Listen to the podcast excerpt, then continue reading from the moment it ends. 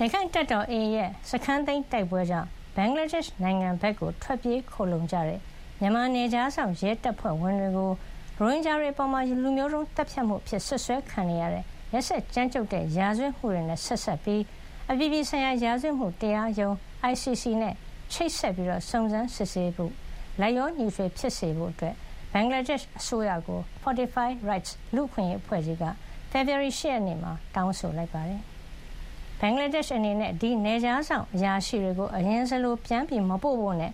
သူတို့တွေလိုအပ်တဲ့အကူအညီအကာအကွယ်ပေးမှုတွေပေးပြီးမြန်မာနိုင်ငံကရက်စက်ကြမ်းကြုတ်တဲ့ရာဇဝတ်မှုတွေအတွက်စုံစမ်းစစ်ဆေးသင့်တယ်လို့လည်း Fortify Rights ရဲ့အမှုဆောင်အရာရှိချုပ် Matthew Smith ကပြောပါတယ်။ဒါဟာတခြားမြန်မာစစ်တပ်ရဲတပ်ဖွဲ့နဲ့နယ်ခြားစောင့်တပ်ဖွဲ့ဝင်တွေအတွက်လည်းအကျိုးရှိပြီးသူတို့အစစ်ဆေးခံလာပြီးနိုင်ငံတကာတရားစီရင်ရေးယန္တရားတွေနဲ့ပူးပေါင်းဆောင်ရွက်ရေးမှာလည်း အထောက်အကူပြုလာနိုင်တယ်လို့ပြောပါတယ်။ဒီနယ်ခြားစောင့်ရဲတပ်ဖွဲ့ဝင်တွေကိုမြန်မာစစ်ကောင်စီလက်ကိုအတင်းအကျပ်ပြန်မပို့ဖို့လည်း Fortify Rights ကတောင်းဆိုထားပါတယ်။ရာဇဝတ်မှုတွေကျူးလွန်ရာမှာပါဝင်ခဲ့ခြင်းရှိမရှိနဲ့အထောက်အထားတွေသိရှိထားတာတွေရှိမရှိသူတို့ရဲ့အရင်ကလုပ်ရပ်တွေကိုစိစစ်နေချိန်မှာဘင်္ဂလားဒေ့ရှ်နိုင်ငံအနေနဲ့သူတို့ကိုအကူအညီနဲ့အကာအကွယ်တွေပေးအပ်ဖို့အရေးကြီးတယ်လို့လည်း Fortify Rights ကအလေးပေးတိုက်တွန်းထားပါတယ်။